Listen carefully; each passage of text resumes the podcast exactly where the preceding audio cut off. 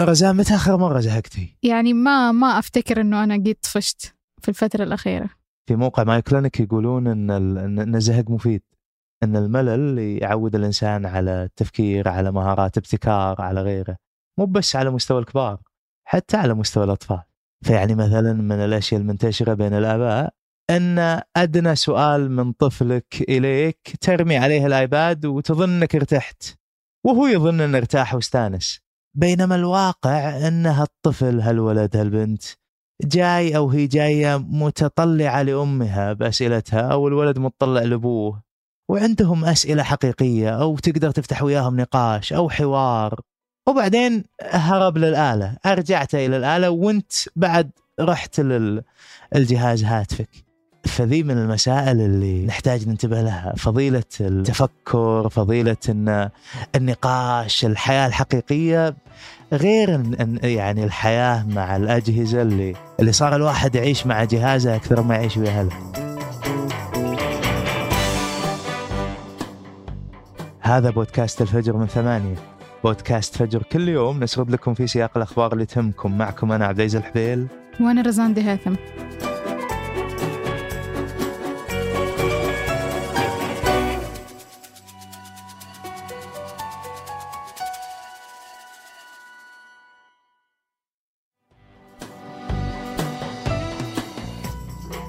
أمريكا تفكر جديا أنها تستثمر في مشروع جديد وتقنية يعتبرها العلماء غريبة وذات مخاطر لكنها تبشر بنتائج ممكن تساعد في تخفيض حرارة كوكب الأرض اللي بدأت ترتفع في السنوات الأخيرة. وحسب تقرير مجلة ساينس العلمية فمشروع الهندسة الجيولوجية الشمسية يركز على تقنية تستخدم مواد معينة وهذه المواد عندها القدرة إنها تعكس الضوء اللي جاي من الشمس وبالتالي تخفف من قوة الأشعة. وهذا بدوره راح يساعد في تخفيض درجة حرارة الأرض. ولكن استخدام هذه التقنية يتطلب دراسة وفهم الجسيمات العاكسة اللي موجودة في طبقة جوية تسمى ستراتوسفير وهي طبقة عليا موجودة بالغلاف الجوي. على ارتفاع يتراوح بين 10 إلى 50 كيلومتر تقريبا فوق سطح الأرض. والسبب في استهداف هذه الطبقة تحديدا هو وجود طبقة الأوزون في هذه المنطقة واللي يعتبر وجودها مهم وحيوي. كونها أنها تخفف من الأشعة فوق البنفسجية واللي تعتبر خطيرة على الكوكب. فمعظم الأوزون اللي موجود في الغلاف الجوي موجود بين 10 و 40 كيلومتر فوق سطح الأرض.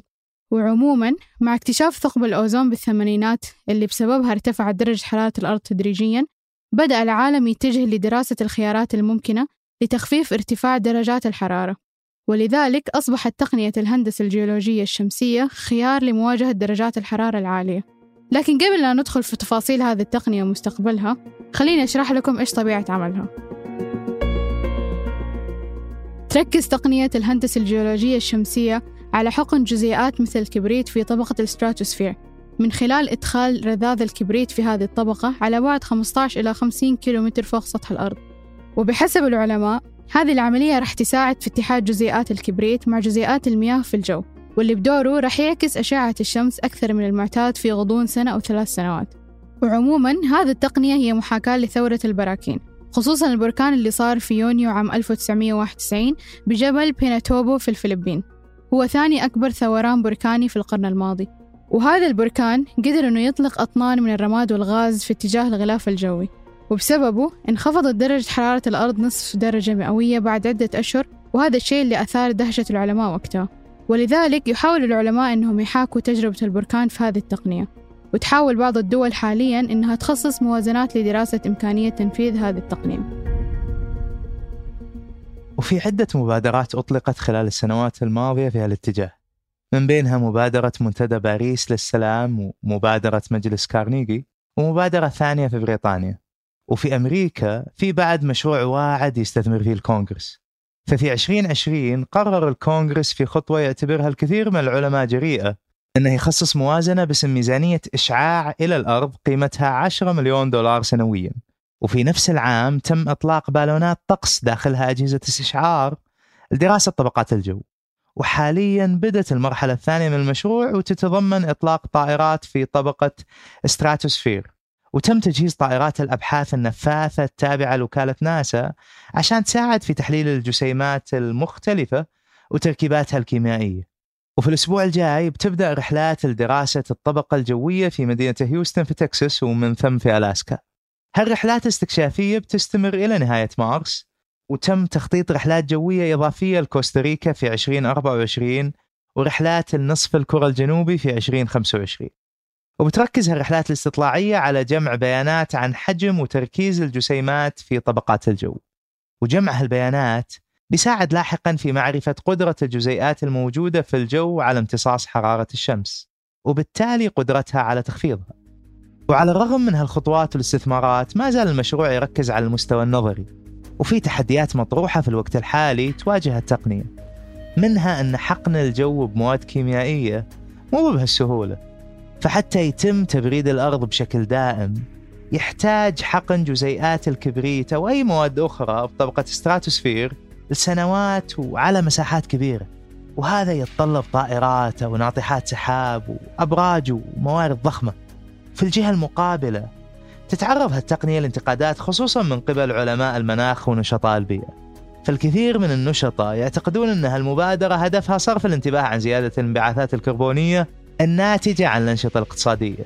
وفي المقابل يعتقد العلماء أن حقن الطبقة الجوية بأية مواد غير طبيعية ممكن يزيد من المخاطر البيئية مثل تلوث المحيطات وهطول أمطار حمضية وزيادة الضرر في طبقة الأوزون. ورغم الانتقادات يعتقد بعض الخبراء أنها التقنية تمثل الحل الأمثل لتبريد الأرض فدرجات الحرارة على الكوكب ارتفعت نسبيا في السنوات الأخيرة خصوصا عندنا حنا في الخليج. فبعض دول المنطقة تجاوزت فيها درجات الحرارة 50 درجة في الصيف. وتعتبر الكويت حسب بلومبرج واحدة من بين أكثر دول العالم حرارة. وفي مناطق ثانية في العالم أصبحت الدول تعاني فيها من تغييرات غير مسبوقة. فالجفاف اجتاح أوروبا العام الماضي. وعانت باكستان من أسوأ فيضانات ما شهدت مثلها من عقود. ودول أفريقيا مر بها جفاف بسبب غياب موسم الأمطار لسنوات. ويتزايد ذوبان الجليد في القطبين الجنوبي والشمالي. كل هذا يتزامن مع ارتفاع متوسط درجة الحرارة عالميا. بما يزيد عن درجة مئوية واللي يعتبر الخبراء جرس إنذار المزيد من الكوارث الطبيعية. وقبل ننهي الحلقة هذه توصيات لنهاية الأسبوع. شاف أيمن الحمادي هذا الأسبوع المسلسل الكوري ماي مستر ويعتبر تجربة استثنائية عبرت بشكل مختلف وعميق عن العلاقات الإنسانية في الأوقات الصعبة. ويقول إنها أول مرة يشوف إنتاج كوري. لكن ممكن بسبب هذا المسلسل يفكر يشوف أعمال كورية ثانية بالمستقبل. وشاف عبد العزيز الحبيلي على قناة ثمانية الفيلم الثاني من سلسلة جواب واللي كان عن العداء السعودي هادي صوعان. ويقول عبد العزيز إنه رجع له ذكريات أولمبياد سيدني بسنة 2000 والأحداث اللي ما تنسى بمشاركة هادي صوعان الاستثنائية وقتها. وفي الأدب قرأ ثمود بن محفوظ آخر روايات فاطمة قنديل أقفاص فارغة. ويقول أنه رغم أنها على شكل مذكرات شخصية وعرض لذكريات الكاتبة إلا أنها مكتوبة بشكل مختلف ورسمت المشاهد بأسلوب بديع وممتع وميزتها بتقسيمها لأجزاء قصيرة وخفيفة فصار ممكن يقرأها لثلاث دقايق بس ويكمل بوقت ثاني.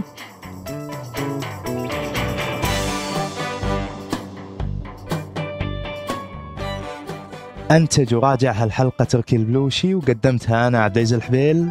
وأنا رزان دي هاثم وحررها محمود أبو ندى. نشوفكم فجر الأحد.